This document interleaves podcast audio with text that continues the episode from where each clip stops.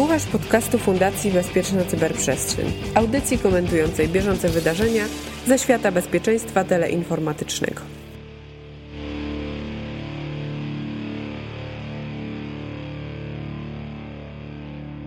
Wakacje czy nie, specjaliści od cyberbezpieczeństwa nie mają przestojów. Przed Tobą 69. odcinek podcastu CyberCyber, Cyber, w którym usłyszysz Mirka Maja, Adama Hartlego i Łukasza Jachowicza.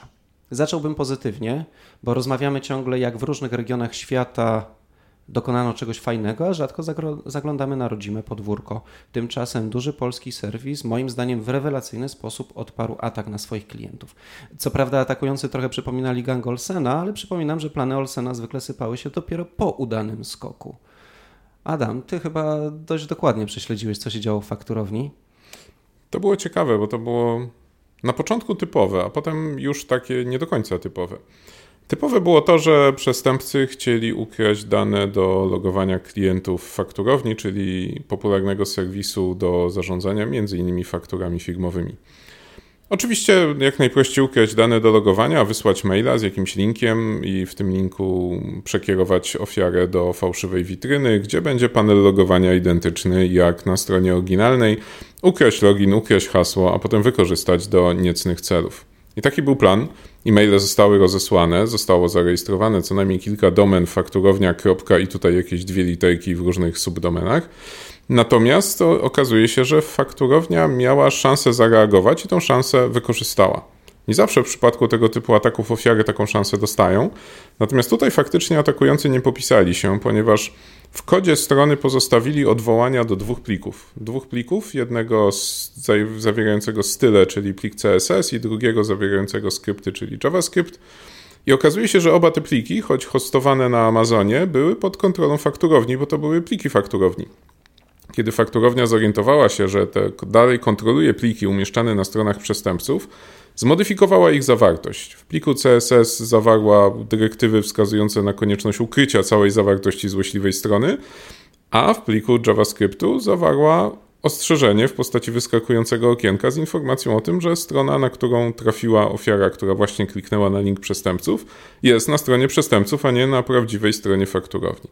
Więc no, trzeba powiedzieć proste z technicznego punktu widzenia, no ale trzeba mieć ten to olśnienie, że to można zrobić i odwagę, żeby to zrobić. I oba, obie te rzeczy najwyraźniej zadziałały w fakturowni i udało się. Czy ja przypominam naszą rozmowę z e, przedstawicielami Orange'a, którzy opowiadali o swojej e, cybertarczy i sytuacji, kiedy mimo tego, że cybertarcza zadziałała i ktoś dostał ostrzeżenie, że jest na fałszywej stronie, tak jak tu faktorownia wygenerowała takie ostrzeżenie, to i tak zadzwonił do supportu technicznego Orange'a, że mimo wszystko chce wpisać te swoje dane tam, bo to na pewno jest dobra strona. Więc zastanawiam się, czy ktoś dzwonił do fakturowni z pretensjami, że uniemożliwiają wpisanie danych logowania? Tego nie wiemy, tego nie wiemy. Natomiast e, trzeba przyznać, że fakturownia zrobiła jeszcze jedną rzecz, mianowicie coś, czego przestępcy, co przestępcom jest trudniej kontrolować, ponieważ e, w momencie, gdy przestępcy wyłudzili już login i hasło, o ile ta strona jeszcze działała, to przekierowywali na prawdziwą stronę fakturowni. I wtedy przeglądarka klienta pokazuje tej docelowej stronie, skąd przyszła. Pokazuje adres poprzedniej witryny, na której była, czyli tak zwane pole, pole referala nagłówka HTTP. I fakturownia to rozpoznawała i tym osobom, które przyszły ze strony przestępców, wyświetlała dodatkowy komunikat informujący, jeżeli podałeś na tamtej stronie login i hasło, to skontaktuj się z nami, szybko je zmień. Więc jakby druga warstwa obrony również była do wprowadzenia. No, sprytne. Swoją drogą właśnie zastanawiam się, jak często się korzysta z tej drugiej warstwy obrony, bo ona się wydaje dość naturalna teraz, kiedy już o niej usłyszeliśmy, bo te informacje e, nawet e, można je wykorzystać e, wstecznie, historycznie, bo referal zapisuje się w logach, wiemy kto się nam logował na stronę, dajmy na to fakturowni o tej, o tej godzinie. I te, jesteśmy w stanie mniej więcej namierzyć osoby, które Mm, które przyszły, przysłane z, z Evil Site'u. I to nie tylko dotyczy fakturowni, tylko większości stron, gdzie ktoś przez phishing jest przekierowywany na, na docelową domenę. W każdym tego typu scenariuszu da się to złapać. Wiem, że na przykład banki to łapią. I co prawda nie ostrzegają wtedy wprost klienta, kliencie byłeś przed chwilą na stronie phishingowej, bo klient pewnie by nie zrozumiał, co się stało, ale obejmują tego klienta czułą opieką i nadzorem jego rachunek. Takich możliwości, tutaj sobie wymieniliśmy niektóre, niektóre z nich zastosowała fakturownia, w ogóle jest dużo i, i tutaj przede wszystkim te pochwały należą się za to, że tutaj zarówno w warstwie technicznej, jak i w warstwie organizacyjnej no mieliśmy do czynienia no niemalże ze wzorcowym działaniem, tak? bo w szczególności biorąc pod uwagę, że tego typu przykładów w przeszłości nie, nie za dużo było, jeśli w ogóle, i nie za bardzo można było się na e, kim wzorować, więc na, należy założyć, tak moim zdaniem było, że fakturownia bardzo kreatywnie podeszła, ludzie, którzy tam pracują, bardzo kreatywnie podeszli do tego, co można zrobić i w tej warstwie technicznej tutaj sobie wspominaliśmy o tym wykrywaniu, skąd to połączenia są, e, że w, w tego zamieniania tego kodu, który ma się e, wyświetlać. Ja przypuszczam, że w wielu atakach takie możliwości są, tylko niewielu w ogóle z, z, nich korzysta. I tutaj jeszcze bym zwrócił uwagę na to, że tutaj też bardzo fajnie zadziałała ta warstwa organizacyjna, przede wszystkim otwartość informacyjna. Nie bali się, tak? Myślę, że to, co sobie mówimy, przypuszczam, że trochę w tym, w tym przykładzie, który Adam podał, e, współpracujemy, przecież mamy też dobre rozeznanie, jeżeli chodzi o środowisko bankowe, które jest, ja zawsze podkreślam, że pewnie jeżeli chodzi o kompetencje na najwyższym poziomie w Polsce jako, jako sektor. Natomiast z drugiej strony tam oczywiście cały czas jest ta, ta kwestia tego, że nie można za bardzo przestraszyć klientów, no bo, bo to jest e, niebezpieczne dla biznesu. Tutaj na przykład fakturownia w, w ogóle się nie bała, myślę, że nawet nie rozważali tego w kategoriach przestraszenia klientów, tylko konieczności poinformowania na każdym możliwym etapie. Tak? W ogóle zastosowali ten dla, dla mnie super sposób, gdzie ja to mówię, że się wstrzykują w ten proces komunikacji, takiej, takiej której nie da się uniknąć. Tak? Ktoś wchodzi na stronę i wtedy dostaje ten, e, dostaje ten komunikat. Oni to wszystko wykorzystali.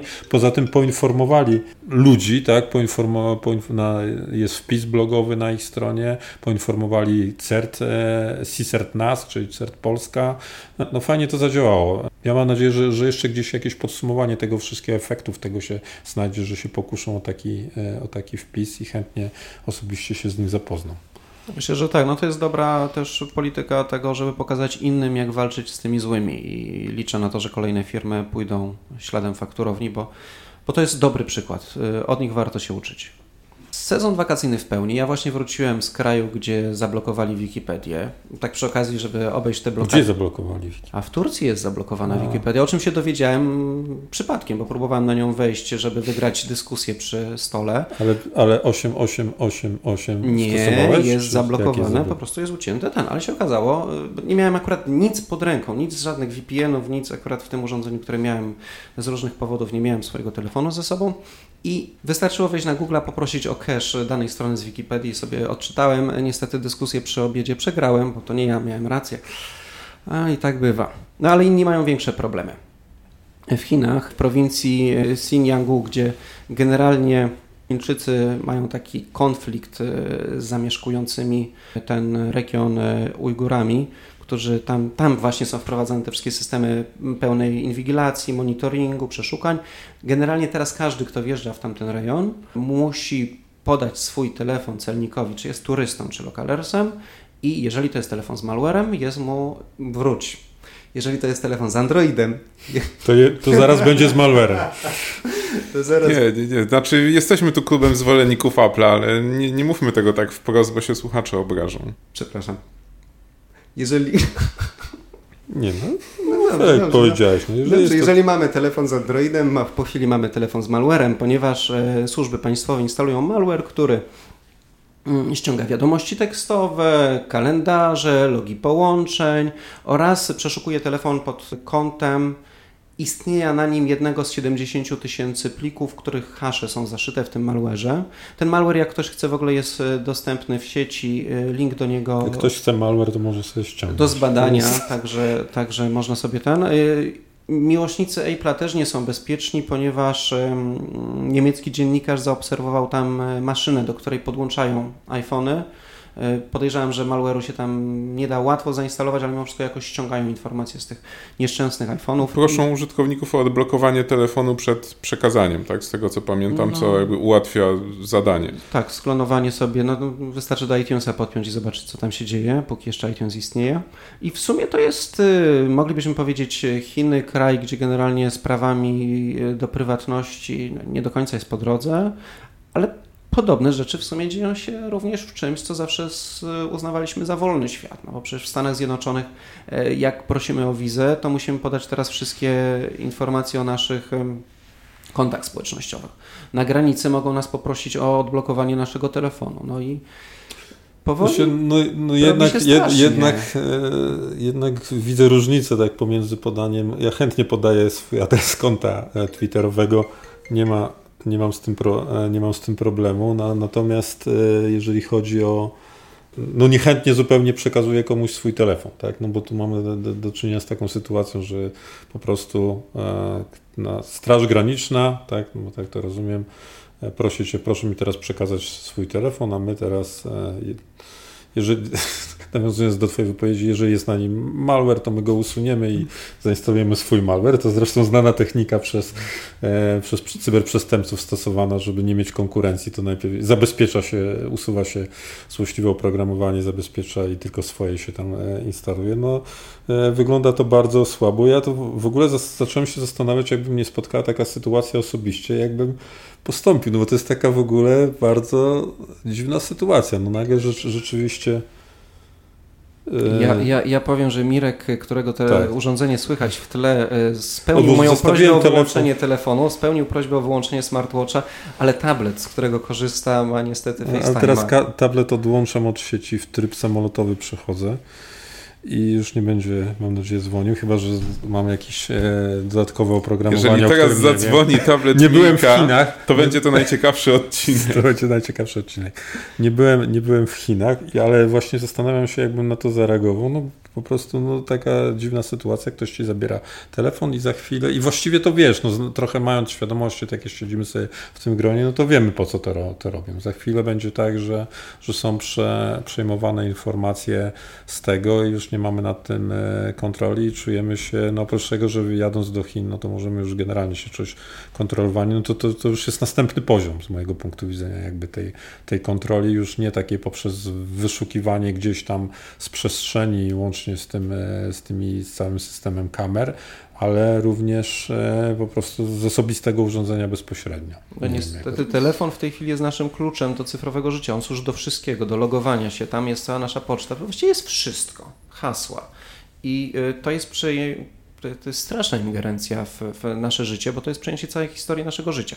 I tak naprawdę moment, w którym do tej ingerencji dochodzi, jest bardzo specyficzny, ponieważ dokonaliśmy sporego wysiłku, żeby w jakimś miejscu się znaleźć. Jesteśmy o krok od znalezienia się w tym miejscu. Tak. Tak naprawdę jesteśmy stawiani przed alternatywą, czy chcemy przekreślić nasze, nie wiem, plany wakacyjne, odwiedzenia rodziny, powrotu do domu, a czy, za, czy chcemy jednak uchronić swoją prywatność, a czy właśnie zapłacimy tą cenę za to, że te plany zostaną zrealizowane. I to nie tylko Chiny, tak jak już, już mówiliście, ponieważ y, podobna sytuacja ma miejsce w momencie wjazdu do Stanów Zjednoczonych, gdzie ten urzędnik proszący nas o odblokowanie telefonu może tak naprawdę powiedzieć, a pan wraca najbliższym samolotem z powrotem do Polski, czy skądkolwiek tam przylecieliśmy.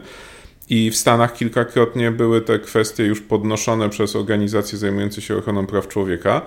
I ostateczna instancja w trybie sądowym powiedziała, że granica Stanów Zjednoczonych nie jest terenem Stanów Zjednoczonych i nie jest to naruszenie konstytucji. Na dokładkę ten obszar bodajże tam został rozszerzony nawet do kilkudziesięciu mil jeszcze za granicą, gdzie możemy zostać zatrzymani przez służbę ochrony granicy i poproszeni o udostępnienie danych, które, e, które to czynności naruszają Konstytucję Stanów Zjednoczonych. Natomiast okazuje się, że na granicy ta konstytucja nie obowiązuje, jest to radośnie nadużywane również wobec obywateli Stanów Zjednoczonych, którzy na przykład wracają z podróży zagranicznych.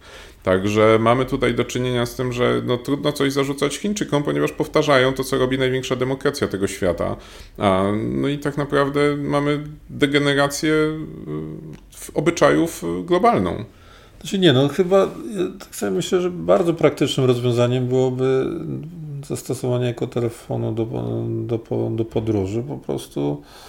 Dumpfona.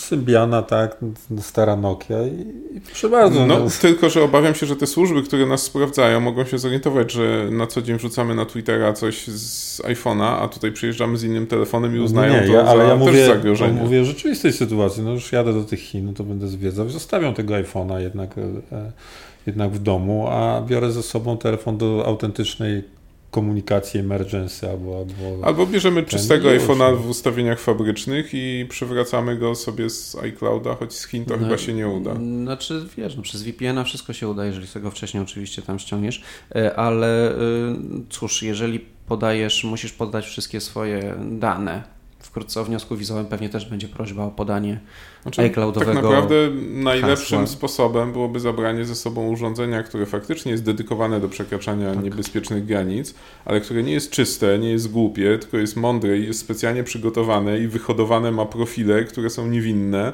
na których nie ma żadnych informacji, ale nie wygląda na coś, co przygotowaliśmy wczoraj. Znaczy słowo niewinne jest złym słowem, ponieważ my nie mamy rzeczy wskazujących na naszą winę, po prostu nie mamy ochoty, żeby no ktoś grzebał w naszym może życiu. No. Znaczy, tak, nie, nie, nie Kwestia, jak zostanie zdefiniowana wina, tak? No, wystarczy zdjęcie z placu Tiananmen i już jesteś winny, mimo iż wcale nie jesteś.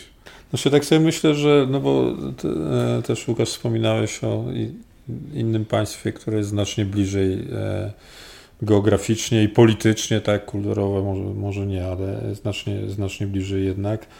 Myślę, że fajna by była może taka, taka mapa wręcz, która by pokazywała, jak jedziesz tutaj, no to licz się z tym i tym, albo, albo jeżeli ktoś komuś na czymś zależy, to tak e, wybiera swoje destynacje turystyczne przynajmniej, no bo służbowo to różnie bywa, żeby ja, ja, szykowałem kiedyś pewien sprzęt osoby, która jechała do takiego, e, przez taki kraj leciała, gdzie no, generalnie mogła wylądować na celowniku i sprzęt został dokładnie poczyszczony. E, w przypadku iPhone'a została też włączona ta funkcja po dziesięciokrotnym złym podaniu hasła jest wipe telefonu i koniec. No bo jeżeli musimy już koniecznie wziąć ten sprzęt, to musimy go jakoś dobrze zabezpieczyć i jednocześnie liczyć się z tym, że najbliższym samolotem wrócimy do domu.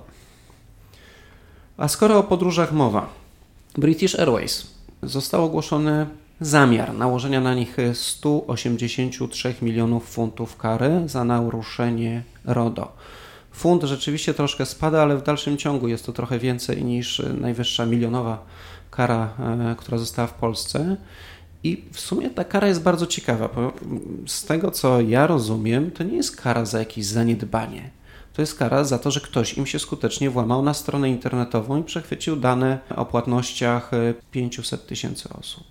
No ale no. to chyba musi być, musiał być w, tak, taka interpretacja pewnie jest, że to pewnie musiał być wynik zaniedbania. Tak? Że I to, no, znaczy, musiał to być wynik zaniedbania o tyle, że jeżeli firma przyjmująca płatności kartami kredytowymi nie kontroluje integralności swojego kodu www, no to nawet nie spełnia wymagań narzucanych przez organizacje obsługujące płatności kartowe, tak. więc, to więc było to faktycznie... PCI DSS pewnie tak, się kłania. Były to, to, to, istotne zaniedbanie faktycznie, jeżeli przez kilka tygodni, czy tam bodajże nawet to było bodajże dwa czy trzy miesiące, no tak duża organizacja nie orientuje się, że ma dodatkowy złośliwy kod na swojej stronie, a ten kod robił to co najgorsze możliwe, czyli kopiował wszystkie dane osobowe i dane płatności i przesyłał na serwer kontrolowany przez prawdopodobnie rosyjską grupę przestępczą. To jest z, moim zdaniem e, bardzo ważne, e, ważna sytuacja, bo to jest zapowiedź, tak? Ja rozumiem, że tak kara jeszcze, bo nie wiem tak, nawet. Tak, to jest zapowiedź, zapowiedź to ona nie została, nie została jeszcze nałożona, nie było procesu. Nałożona, dlatego że okazuje się, że to, co e, w RODO jest zapisane o tych maksymalnych karach, dla przypomnienia jest to 4% obrotów, jeśli dobrze pamiętam, to nie jest zupełnie jakaś fantazja i to nie ktoś tam dla strachów wpisał, tylko tutaj mamy do czynienia, zdaje się, że z wysokością kary na poziomie 1,5% obrotu, co jest nie, przy tak dużej firmie, wychodzimy, widzimy jakie wychodzą z tego, z tego kwoty, że rzeczywiście e, tutaj te organy, które są uprawnione do, do nakładania, tutaj mamy Information Commissioner's Office, akurat w tym wypadku są na, e, uprawnione do nakładania tych tych kar rzeczywiście zamierzają, jak widać, zaczynają to robić. Przecież w Polsce też mieliśmy już te przypadki karania wys wysokimi. E, Ale nie aż tak wysokimi. Nie, no. no tak, no oczywiście, no, dotyczy to mniejszych firm i tak dalej. Tu mamy olbrzymią, olbrzymią e, firmę i mamy olbrzymią karę. Przy tej okazji możemy wspomnieć jeszcze przecież o Mariocie, tak? Bo tutaj też sieć hoteli Mariot została, zdaje się, mniejszą, mniejszą karą, bo tam niecałe 100 milionów funtów, ale jednak to też jest olbrzymia, olbrzymia kara, więc e, te kary rzeczywiście będą nakładane. I, i trzeba sobie powiedzieć, e, no tu też ciekawostka, proszę zwrócić uwagę, British Airways za chwilę, no jakby z punktu widzenia Unii Europejskiej, być może już za, za Unią, Marriott z, za Unią, jest, jest widać jak, jak RODO, czy, czy akurat w tym wypadku pewnie GDPR powinniśmy powiedzieć w ujęciu międzynarodowym, e, rzeczywiście staje się standardem światowym. Oprócz Chin, tak? No bo przed chwilą właśnie sobie opowiadaliśmy, jak to, co się w Chinach dzieje i tak sobie w ogóle e, zacząłem myśleć, czy ktoś wymyśli sprytny sposób na to, żeby być może te, ten, ten chiński E, tę chińską całą rewolucję w, likwidowaniu prywatności. Ja bym powiedział, że to jest w likwi- w, idzie to w kierunku likwidacji zupełnie prywatności. Ktoś jest w stanie właśnie w ujęciu międzynarodowym, strategicznym powstrzymać na przykład właśnie z, z GTPR e, z tym sukcesem, bo, bo Amerykanie no to no po prostu oni zaczęli stosować to jako swój standard, tak? Po prostu się pogodzili z tym, że jeżeli chcą robić biznes światowy, to nie ma sensu robić standardów dla, e, dla Stanów, dla, dla Europy, czy po prostu dostosowali się do tego, mają tam gdzieś swoje prace i oczywiście swoje e, swoje przepisy dotyczące e, prywatności u siebie, no ale po prostu to za, zastosowali. To, to, jest, to jest jakby sukces tego przedsięwzięcia legislacyjnego. No na szczęście, nawet jeżeli wykradną nam dane, znaczy to możemy mieć jakieś dodatkowe, akurat w przypadku British Airways to nie zadziała, bo to były dane dotyczące płatności, ale mamy na przykład różne inne dane, które można nam wykraść, więc trzymamy sobie je w sprzętowych portfelach. To wracamy do mojego ulubionego pojęcia, to znaczy sprzęt... Musisz wszystkim wyjaśnić. Muszę wszystkim bezpiecznie, swoje ulubione. E, u, uwielbiam zabezpieczenia sprzętowe, na przykład takie jak portfel Trezor, który można trzymać kryptowaluty mając e, odpowiednią wiedzę, 100 dolarów na sprzęt i jakieś 5 minut na podtrzymanie cudzego portfela Trezor w ręku, e, można wyciągnąć z niego PIN i SEED pozwalający na e, odtworzenie zawartości portfela. Nie da się tego naprawić programowo, ponieważ jest to jakiś błąd w logicznej konstrukcji całego portfela. I jedynym zabezpieczeniem takim tymczasowym jest dodatkowe jakieś tam bardzo długie hasło, którym sobie będziemy zabezpieczać tego trezora. I Przyznam, że z jednej strony się cieszę, że specjaliści od bezpieczeństwa zaczęli zwracać uwagę coraz większą na, na to, żeby badać te, to wszystko, co jest ludziom sprzedawane jako coś, co zapewni im bezpieczeństwo.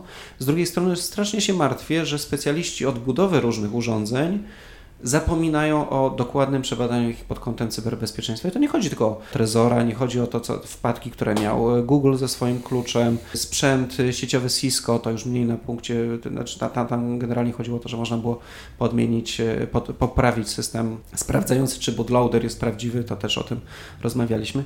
No i kurczę, wyścig zbrojeń nam się przeniósł z czystego oprogramowania na te urządzenia, które, które mają wyłącznie dbać o nasze bezpieczeństwo. Dobrze, źle?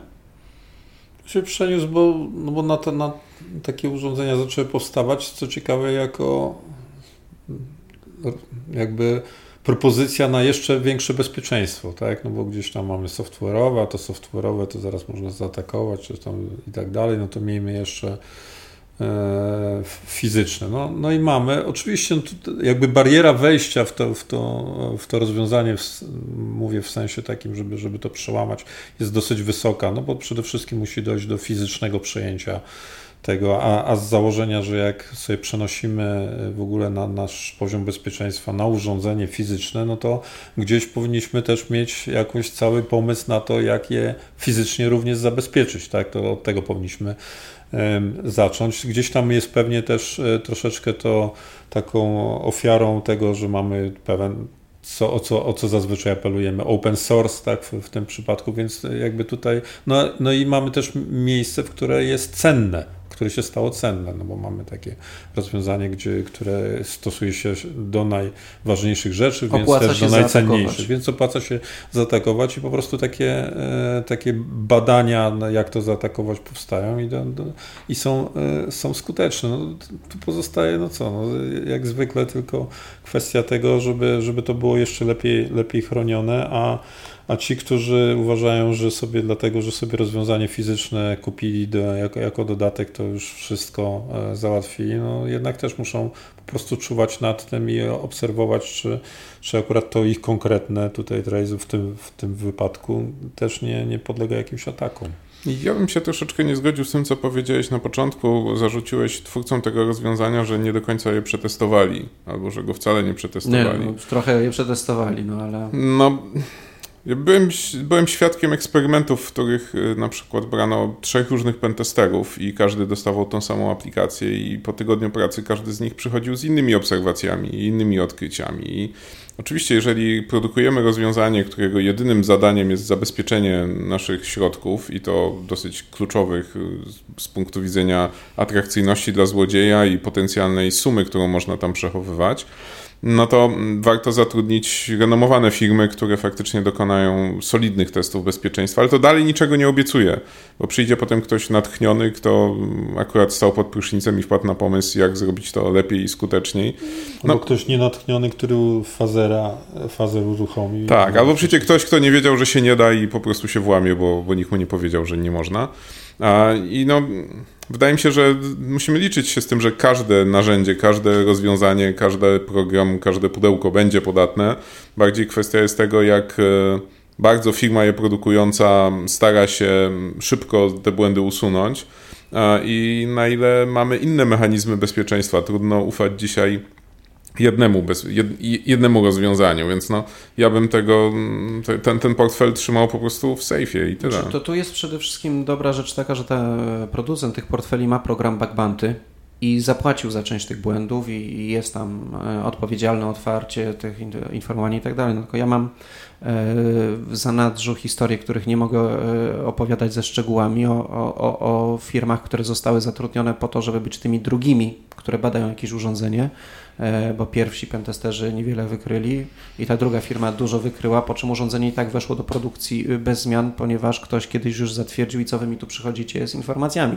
I tu mówię o... Myślę, że jakbyś zatrudnił trzecich, to też by przyszli jeszcze z inną trochę paczką, bo tutaj rzeczywiście jest trochę, tu się z Adamem zgadzam, że to są tak różne sposoby po prostu jakby doszukiwania się, prowadzenia tego researchu na temat, że, że każdy ma trochę inne swoje pewnie. podejście, coraz więcej tutaj automatyki jest w tym, w tym podejściu, są, są różne, różne frameworki do wyszukiwania tego, to jest bardzo, bardzo skomplikowane, to jest trochę też takie, to, to porównanie mi też przypomniało takie, takie badania na temat tego, z jakich źródeł threat intelligence korzystać, które są najlepsze. No i robiono badania i okazuje się, że nie ma najlepszych, najlepszych e, źródeł threat intelligence, bo overlap ich najlepszych teoretycznie gdzieś tam kilkunastu czy kilkudziesięciu jest na poziomie 30%, więc każdy jest dobre, tak? I teraz po prostu nie jesteś w stanie mieć wszystkich, tak? I tutaj nie jesteś w stanie pewnie do końca przetestować tego tak, że, jest, że, że jesteś pewien. No, Myślę, że tutaj kluczowe jest, jak przebiega później proces tego, ten tak nazywany vulnerability management, tak? czyli tego dojrzałego podejścia do tego, czy informujemy, jak zmieniamy. No problem jest, tak jak mówisz, w sytuacji, w której trudno jest usunąć taką tak, wadę. Trzeba zmienić sprzęt. W sprzętowym, sprzętowym mieliśmy tutaj też, opowiadaliśmy sobie niedawno o, o, o, o routerach Cisco, zdaje się, tak? który po prostu no nie da się tak gdzieś tam zdalnie, czy w ogóle tak. tylko software'owo zmienić i, i wtedy mamy, zaczyna być poważny problem, więc być może to jest wskazówka dla twórców tego, że przede wszystkim rozwiązania niskopoziomowe na, na, e, procesie ich projektowania i, i, i tworzenia powinny podlegać szczególnym wymaganiom, jeśli chodzi o zasady security, bo te zazwyczaj później są albo nieusuwalne e, problemy, albo bardzo, bardzo trudno usuwalne. No, na szczęście o tym, jak się tego to, to, to włamywać, e, nie dowiemy z YouTube'a, albo dowiemy, bo w sumie nie wiadomo. YouTube jakiś czas temu zmienił swoją politykę i nie chce hostować materiałów, które mogą zawierać instrukcje związane z hakowaniem i y, moim zdaniem hakowaniem rozumianym bardzo szeroko, bo na przykład Nullbyte'owi y, uniemożliwiono mm, wgranie filmiku, w którym jest instrukcja, jak odpalać fajerwerki za pomocą Wi-Fi. No to jest niezły hak moim zdaniem związku z tym, że jest hakiem, zostało to zablokowane i y, ludzie zajmujący się promocją cyberbezpieczeństwa oraz y, akcjami edukacyjnymi narzekają, że coraz częściej ich materiały albo są w ogóle zdejmowane, albo jest usunięta możliwość za zarabiania na nich tylko dlatego, że w słowach kluczowych jest słowo hacking albo coś w tym stylu. I zastanawiam się, hmm, właściwie po pierwsze dlaczego, a po drugie dokąd ten świat zmierza. Znaczy, warto tutaj dodać jeszcze, że YouTube, kiedy dowiedział się o tym, że usunął wideo, które w sumie nie miało nikomu zrobić krzywdy, wydał komunikat, w którym powiedział, że zasada, że rzecz, promowanie zachowań niebezpiecznych i nielegalnych jest nielegalne na YouTubie, obowiązuje od zawsze. To wideo, które usunął, przywrócił, czy cały ten kanał przywrócił i dodał, że jest pewien wyjątek. Jest pewien wyjątek dosyć istotny, czyli gdy badania są prowadzone dla celów edukacyjnych, naukowych albo artystycznych, no to wtedy można takie materiały umieszczać i w sumie myślę, że większość tych rzeczy, które gdzieś są na YouTubie spełnia te wymagania, chociażby kryterium edukacyjne. No bo jeżeli ktoś wrzuca film, w którym pokazuje, jak komuś ukraść pieniądze, to czy to hacking, czy nie hacking, no to jest to społecznie szkodliwe i to powinno zostać usunięte. A jeżeli ktoś wrzuca film, jak zhakować stronę, żeby zostać dobrym pentesterem, no to kwestia, jak to jeszcze nazwie, tak? I pod czyli, jakim kątem zaprezentuje. Taki film pod tytułem Nauczę cię, jak przepięknie ukraść pieniądze, jednak nie przejdzie. Ale no, ten sam film... przetestować. No bo, bo ale element edukacyjny, artystyczny, przepiękny. Nie, ale, ale, ale, ale, ten sam film pod tytułem Zobacz jak kradną pieniądze, żeby się przed tym zabezpieczyć. Tak, więc wydaje mi się, że to kwestia.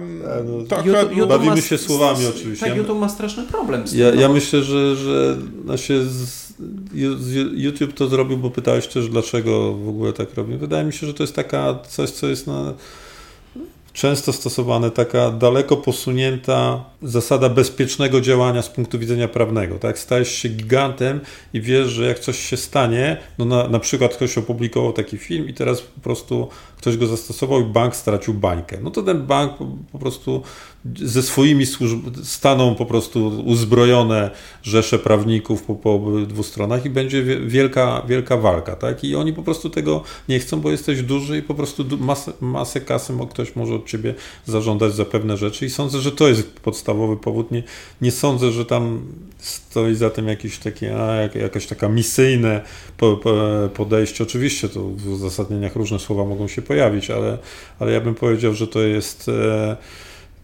ten kierunek i powiem tak, nawet trochę rozumiem Google, bo, bo jak, jak masz do czynienia po prostu z z taką masą filmów, które musisz obrobić i w jakiś sposób jako platforma jednak część odpowiedzialności na siebie wziąć, no to wiadomo, że na przykład Google wypracował niesamowicie skuteczny ten, ten system wykrywania różnych e, ma materiałów, które są chronione prawami autorskimi. Na szczęście prawda? ostatnio zaczął działać sensownie i teraz no właśnie, jak się zgłasza ale to trwało latami, ale, ale zwróćmy uwagę, że no przy, tej, przy, tej, skali jest to niesamowite przedsięwzięcie, nawet technologicznie, tak, jeżeli chodzi o zaprojektowanie, stworzenie tego i oni po prostu dużo w takie rzeczy inwestują. Tutaj być może powinni też trochę zainwestować, żeby w zrozumienie tego, e, co tak naprawdę jest prezentowane. To jest jakby trudniejsze, no ale skoro ci giganci inwestują w w sztuczną inteligencję, no to, no to może coś sensownego też przy okazji by stworzyli. No, ale jeżeli nie zobaczysz na YouTubie, możesz iść sobie na konferencję i tam posłuchać. Y, I chyba... No, ale tak, ale nie możesz streamu na YouTubie zrobić wtedy, tak? Czy możesz? No, to jest ciekawe. bardzo dobre pytanie. No, możemy sprawdzić we wrześniu. We wrześniu, tak. We wrześniu 12-13 września Security Case Study, szósta już edycja naszej konferencji. Serdecznie zapraszamy. Zresztą jeden z tematów poniekąd będzie przybliżony dzisiaj omawiany. Tak, mieliśmy temat e, naruszania prywatności w, w, Chinach. Będziemy mieli gościa, który był w Chinach i zrobił swój research tego, jak Myślałem, to że wygląda. naruszał prywatność. E, być może naruszał prywatność tych, e, którzy naruszają prywatność, nie wiem. Zobaczymy, co będzie opowiadał, ale szykuje się ciekawa opowieść z pierwszej ręki na temat tego chińskiego systemu, jak on, jak on działa i jak, jak człowiek zakładam się, opowie, trochę opowie o tym, jak on się jestem czuł, więc jedna z takich prezentacji. Inne to zapraszam na www.securitycasestudy.pl. Już mamy wstępną agendę, która jeszcze będzie zmieniała, zmieniana, ale już sporo po, pozycji jest. No i do, do końca lipca są tańsze wyjściówki na to, także serdecznie zapraszamy. Część konferencji jak zwykle będzie też E, za darmo. Wystarczy, wystarczy rejestracja, ale szczegóły na stronie. No i co? Chyba skończymy 69. odcinek podcastu CyberCyber. Szukaj na swojej aplikacji podcastowej, na stronie Fundacji Bezpieczna Cyberprzestrzeń, na Twitterze, na Facebooku, może nawet w Chinach jesteśmy dostępni. Żegnają Was Adam Hertle, Łukasz Jachowicz i Mirek Maj z Fundacji Bezpieczna Cyberprzestrzeń. Do usłyszenia za dwa tygodnie. Do usłyszenia. Do usłyszenia.